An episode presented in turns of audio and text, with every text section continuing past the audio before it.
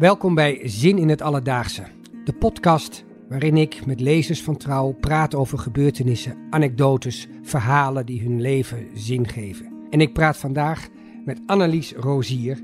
Zij is tegenwoordig bewoonster van een klooster, maar woonde tot twee jaar geleden in een heel gewoon rijtjeshuis. Wat maakte deze omslag zo zinvol?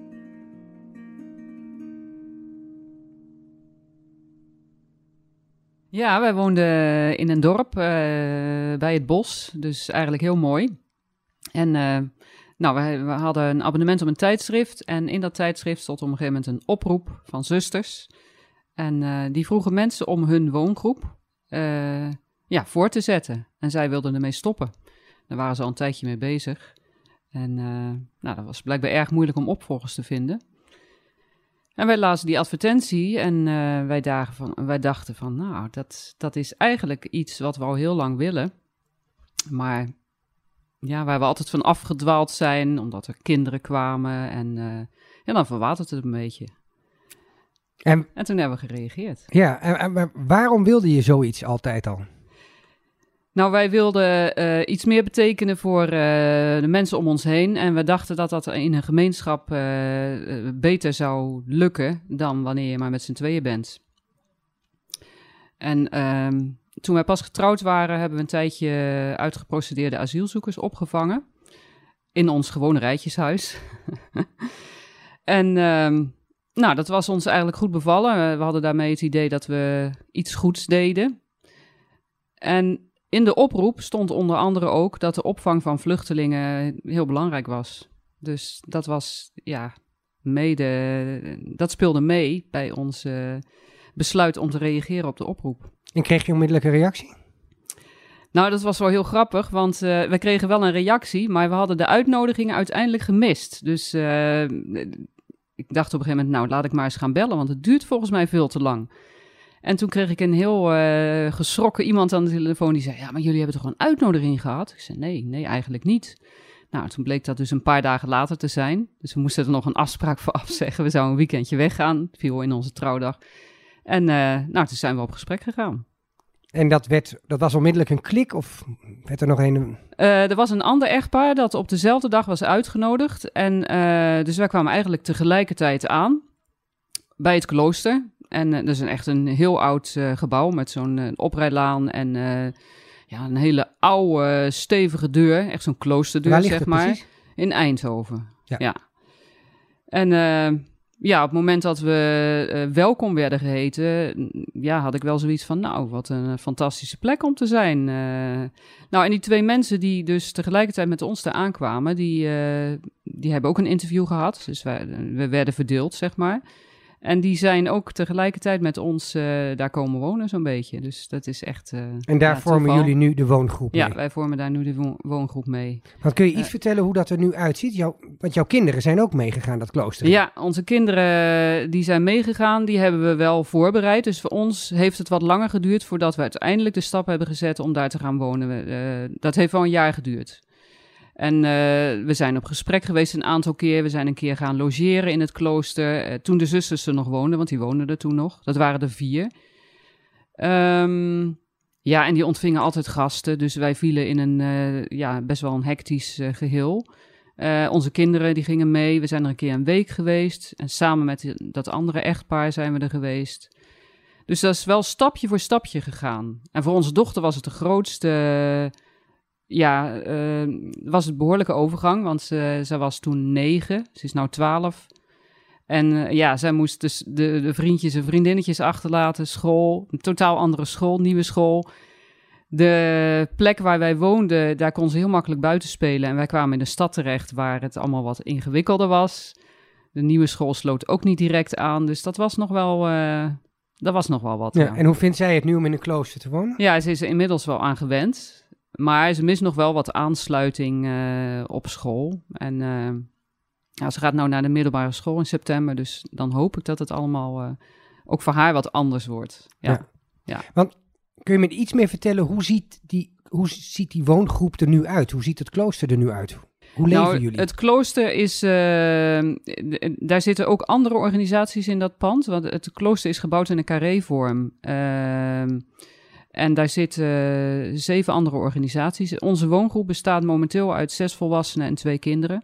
Maar er zijn er twee die ons gaan verlaten binnenkort. Dus we zijn alweer op zoek naar nieuwe mensen. Ach, is dat jammer? Dat zie je... Ja, dat is jammer, want met meer mensen kun je het meer dragen. En uh, met z'n vieren is het, is het eigenlijk redelijk klein. Ja, want je zegt meer dragen. Heb je nog steeds met vluchtelingen te maken? Ja, wij vangen, wij vangen wel vluchtelingen op. We hebben uh, twee uh, kamers voor vluchtelingen en één crisiskamer. Die crisiskamer is niet altijd bewoond, maar uh, over het algemeen worden er meestal wel twee, ja, twee vluchtelingen wonen er sowieso. Ja. En die wonen ver weg of die wonen tussen jullie in? Of hoe, die wonen tussen ons in. Wij hebben boven hebben wij onze eigen ruimtes, woonkamer en we hebben onze eigen slaapkamers, eigen badkamer. En die vluchtelingen die hebben ook een slaapkamer op de gang waar wij, ja, waar wij ook slapen, zeg maar. Dus daar moet je wel constant rekening mee houden? Ja, daar moet je constant rekening houden. En dan is het natuurlijk een oud gebouw. Uh, met uh, houten vloeren, super gehoorig. Dus uh, dat is soms wel eens lastig, ja. ja en ja. voor hen misschien ook wel, ja, toch? Of niet? Ja, ja, voor hen ook, ja. ja. En ze hebben een eigen ritme, want we, we eten één keer in de week samen. Althans, dat proberen we. dat is meestal in het weekend. Maar uh, ja, ze, hebben, ze eten meestal wat later. Dus, uh, en niet iedereen heeft er zin in om uh, met ons te eten. Hè. We, we, krijgen verschillende mensen. Er zit best wel wat verlopen in ook. En met sommigen hebben we een goed contact. Die, die vinden het ook heel gezellig om mee te eten. En dan maak je nog eens een praatje mee. En anderen zijn gewoon heel erg op zichzelf. Ja, want die hebben natuurlijk van alles meegemaakt. En zitten helemaal ja. niet te wachten op een gezellige woongroep. Nee, niet altijd. Nee. De man die er momenteel bij ons woont, die al woonde toen de zusters er nog woonden dus die zit er al, uh, nou, een jaar of drie, denk ik. Oh, die woont al drie jaar Die woont al drie jaar bij ons. Ja, althans, zolang wij er wonen, woont hij er. En hij woonde er al toen wij er nog niet woonden. Dus hij is er echt al best wel lang. Maar okay, dat is, dus dat is, het is geen crisisopvang? Nee, dat is geen crisisopvang. De meeste, eh, de crisisopvang is maar mensen die er hooguit voor een weekend zijn of een week. Oké. En andere mensen die we opvangen, die zijn er, ja, drie maanden tot een half jaar, tot een jaar. Maar langer ook niet. Nee. Maar deze man is echt een uitzondering. Ja. En ja, dat, dat wordt dan op een gegeven moment een beetje een, uh, een vriend. Want hij, ja, hij spreekt redelijk goed Nederlands. Dus je kunt gewoon een gesprek met hem voeren. Ja, dat is heel fijn. Ja. Alleen ja, hij blijft in een moeilijke situatie zitten. En uh, ja, ik vind het bewonderenswaardig hoe veerkrachtig hij daarmee uh, mee omgaat. En hoe die, ja, hoe die eigenlijk altijd vrolijk is. Dat is Ja. echt onvoorstelbaar. eh, ja. Ehm, misschien iets vertellen hoe dat gaat met vluchtelingen. Heb je, ho- hoor je nog wel eens wat? Is er een, reactie of zoiets? Ja, nou, ik kan me de eerste vluchteling die wij eh, opvingen herinneren. Dat was een vrouw uit Irak. En die sprak geen woord Nederlands. En ze sprak geen woord Engels. En eh, ja, dat was dus heel moeilijk communiceren. En die, ehm, die was zwanger toen ze bij ons kwam. En dan de laatste weken voor de bevalling, dan, dan moeten ze weer naar een, eh, een, een AZC voor eventueel een nieuwe procedure. En daar hebben we nooit meer wat van gehoord. Ook niet, eh, nou ja, hoe Of het verder is, of- Oh, nou, dat zal wel, neem ik aan. Maar nou, dus daar hebben we nooit meer wat van gehoord. Maar pas geleden eh, hebben we een vrouw opgevangen. Die was pas 18 geworden. En ehm, ja, dan valt ze onder een andere regeling. Die kwam tijdelijk bij ons. En nou, die sprak wel, eh, die sprak ja, een beetje gebrekkig Nederlands. Maar ze was wel heel geïnteresseerd. Dus als ik dan in de keuken was en kwam haar tegen, dan probeerde ze het gesprek aan te gaan. En dat, ja, dat soort dingen zijn wel heel leuk. En toen is ze vertrokken en nu merken we dat ze af en toe, dan is ze in de buurt en dan komt ze, dan belt ze aan en dan staat ze op de stoep. En dan is het misschien maar vijf minuten, want ze, ze blijft nooit lang. Maar ze, ze stelt dan wel vragen. En het feit dat ze terugkomt, vind ik wel heel bijzonder. Dat is een blijk van waardering, Ja, denk dat ik. is een blijk van waardering en een teken dat ze het bij ons goed heeft gehad. Ja. Nou ja, daar doen we het natuurlijk voor. Jij begon dit, of je begon het verhaal net ook, van ik wilde ooit wat meer betekenis geven. Meer betekenis eh, ja, hebben in de maatschappij. Ja. Dat had je heel vroeger een keer gedaan. eh, door vluchtelingen op te vangen in je eigen huis. Heb je dat gevoel ook dat dit zingevend is? Of zin Ja, dit is heel, heel erg eh, zingevend, ja. Want het, het, het zorgt ervoor dat je buiten je, je, je comfortzone gaat ook. En dat je mensen ontmoet waarvan je in eerste instantie misschien denkt... ja, vluchtelingen, ja, hm, waar moet ik er eigenlijk mee? Hè? Want eh, ja, onze maatschappij denkt nou niet echt positief over vluchtelingen. Maar als je dan iemand leert kennen... En je, ja, dan ontdek je, ja, het zijn gewoon mensen zoals wij, met hun eigen eh, eh, verlangens, hun eigen dromen, hun eigen talenten ook vooral. Ja.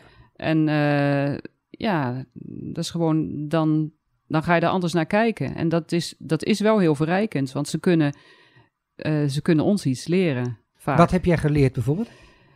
Nou, een, een, stukje veerkracht en optimisme en uh, vertrouwen dat het, uh, dat het goed komt, zeg maar. En het komt niet altijd goed, maar uh, ja, veel hebben toch wel dat vertrouwen dat het goed komt. Ja. ja. ja. En voor jezelf is het af en toe niet ook ontzettend moeilijk? Ja, ja, weet je, we hebben onze eigen privéruimtes en, en daar kun je je terugtrekken wanneer je dat wilt. En het is niet zo dat het dat het nou elke dag super druk is bij ons thuis. Maar we wonen samen met vluchtelingen, dat is wel een feit, ja. Ja, 24 uur per dag. Ja, 24 uur per dag. Ja. ja. ja.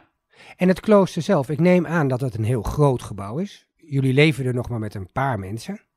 Ja, nou dat klooster zelf is, uh, is gebouwd in een carré-vorm. Het is een uh, pand uit 1883 of zo, dus echt heel, heel oud. Daar, hebben, daar zijn ooit zusters begonnen. Um, en die hebben daar, ja, dat heette toen liefdeswerken verricht. Dus in onderwijs en zorg. Ze vingen mensen op, zieken, in dat klooster. Maar dat klooster werd toen helemaal gebruikt. Nou, die zusters zijn op een gegeven moment vertrokken. En toen is het pand een tijd uh, leeg komen staan. Totdat er vier zusters uit Schijndel, zusters van liefde. Die wilden een nieuwe bestemming geven aan het pand. ja, het religieus leven dat verandert ook. En zij vonden van, nou, we willen toch nog iets betekenen voor mensen. Hè? Want eh, al die taken die zij vroeger begonnen zijn, die zijn allemaal overgenomen door de maatschappij. Zorg en onderwijs, dat is allemaal, ja, in goede handen. En uh, zij wilden graag vluchtelingen opvangen. Maar dat pand, dat, uh, dat, ja, met vier zusters in een groot pand, dat was een beetje veel. Dus ze hebben groepen gezocht waarvan ze vonden, nou, dat is een mooie doelstelling, past, uh, ja, sociaal-maatschappelijke doelstelling, sloot aan bij waar zij voor stonden. En ze hebben dus verschillende groepen benaderd en zo zitten er dus zeven organisaties in het pand, waaronder Vluchtelingen in de Knel. Dat is dan een organisatie waar wij veel mee te maken hebben, omdat ze de, um, de bed, bad en broodregeling van de gemeente uh, vormgeven. En dan is er Emmaus, dat is zo'n kringloopwinkel, die vangen ook mensen op. Uh, omslag, dus uh, werkplaats voor duurzame ontwikkeling. Die houden zich vooral bezig met duurzaamheid en groen. En, en dan zit er een combinatie, de combinatie jeugdzorg. Die bieden crisisopvang aan jongeren. Dat is ja, tijdelijk. Die zitten er een paar weken tot een maand of drie. Dat is een organisatie waar wij het minst mee te maken hebben, omdat er personeel die, die, ja, die is daar maar die houden zich met de jongeren bezig. En die jongeren die wonen er, die gaan naar school. Nou, daar hebben we het minst mee te maken, zeg maar. Maar de andere organisaties, daar, ja, daar doen we ook wel dingen mee samen. Ja. En is dit nou dan jouw baan geworden? Nee, dat is niet mijn baan, want wij huren het pand. Dus wij hebben allemaal ook een baan buitenshuis. Oké, maar en, dan is dit dus extra. Dus ja, het is extra. Ja, ja, het is extra. Dus jij zou dit jouw vrijwilligerswerk noemen. Eigenlijk jouw eigen baan of jouw eigen leven, je wonen, is je vrijwilligerswerk. Ja, ja. ja dus zo zou je het kunnen zeggen inderdaad. Ja. ja. Dus we organiseren wel wat, uh, wat dingen. We houden ons in de Vredesweek bezig met uh, het organiseren van... Uh, dit jaar wordt er een vredeswandeling georganiseerd. Dan werken we als woongroep samen met bijvoorbeeld het Vredesbureau... met een, een andere organisatie, Levensbeschouwing en Vrede... Eindhoven platform.